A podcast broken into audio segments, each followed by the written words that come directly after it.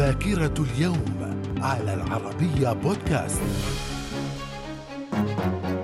أهلا بكم مستمعينا الكرام ومن ذاكرة الخامس عشر من نوفمبر من العام 1889 بداية النظام الجمهوري في البرازيل. في العام 1920 عقد أول اجتماع لعصبة الأمم في جنيف وفي العام 1939 افتتاح مقبرة الملك الفرعوني توت عنخ آمون للجمهور. من الذاكرة. من ذاكرة الخامس عشر من نوفمبر أيضا في العام 1943 الزعيم الألماني هاينريش هيملر يأمر بوضع الغجر على المستوى نفسه مع اليهود ووضعهم في معسكرات الاعتقال من أجل إبادتهم. في العام 1961 بدء البث الرسمي لتلفزيون الكويت وفي العام 1969 متظاهرون تتراوح أعدادهم بين ربع المليون ونصف المليون نسمة. يقومون بمظاهرة سلمية ضد حرب فيتنام في واشنطن العاصمة وسميت المظاهرة بالمسيرة ضد الموت.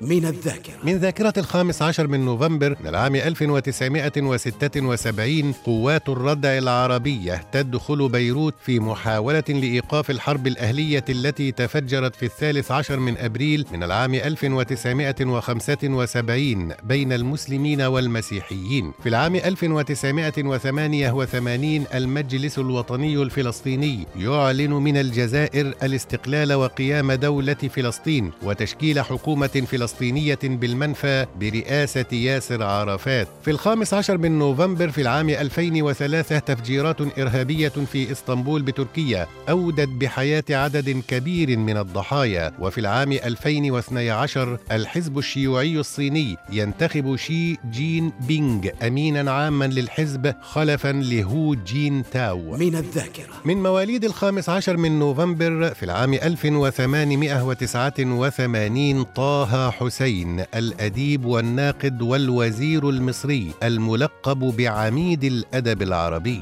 في العام 1891 ولد إيرفين روميل القائد العسكري الألماني الملقب بثعلب الصحراء. من الذاكرة. وفي الخامس عشر من نوفمبر من كل عام يحتفل بعيد الاستقلال في فلسطين وعيد الجمهورية في البرازيل وبيوم بغداد. من الذاكرة. إلى اللقاء.